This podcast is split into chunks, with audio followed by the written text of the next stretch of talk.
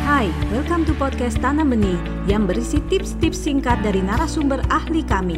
Jangan lupa di-follow.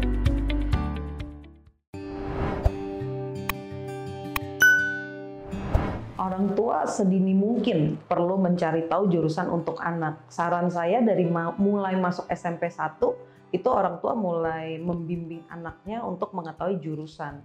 Contohnya walaupun itu mungkin masih 3-4 tahun lagi di SMA mau ambil IPA, IPS atau bahasa, tapi orang tua udah mulai narik ketika anaknya masuk SMP 1, wah anak saya arahnya lebih ke mana ya. Tapi memang anaknya, bukan keinginan orang tuanya.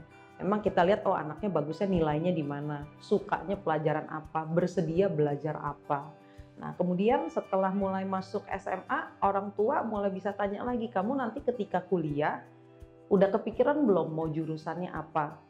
Nah itu mulai kita bisa tarik, misalnya, oh saya mau masuk jurusan desain. Nah ketika masuk ke jurusan desain berarti kamu SMA mau ambilnya apa? IPA, IPS atau bahasa. Jadi memang orang tua harus dalam kurun waktu SMP sampai SMA memang harus menemani. Jadi nggak bisa uh, langsung satu kali nanya anak langsung tahu dia mau apa jurusannya. Jadi sedini mungkin akan jauh lebih baik. Biasanya 70% anak nggak tahu. Nah, hanya sedikit sih sebenarnya yang benar-benar tahu.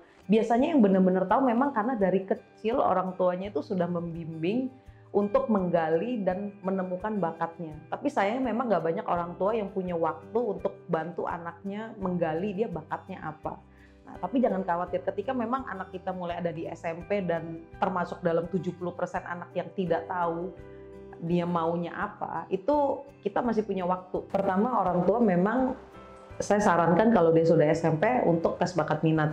Jadi orang tua memang secara objektif tahu di dalam diri anaknya tuh uh, ada apa sih kekuatannya.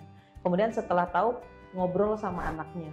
Kalau bakatmu contoh menggambar, kamu mau ikut les gambar nggak? Atau misalnya uh, contohnya kamu bagusnya di matematika, kamu mau ada mau les robotik nggak? Jadi memang orang tua mulai ngobrol setelah tahu hasilnya. Terus ketiga mulai memutuskan kegiatan apa yang anaknya akan ikuti jadi setelah memang sudah tahu baru putuskan. Tapi keputusan ini harus berdasarkan antara persetujuan anak dan orang tua. Sehingga anak juga uh, ikut kegiatan tersebutnya juga happy. Begitu. Anda baru saja mendengarkan tips dari Tanam Benih Foundation. Mari bersama-sama kita terus belajar untuk menjadi orang tua yang lebih baik demi generasi yang lebih baik. Jangan lupa follow podcast kami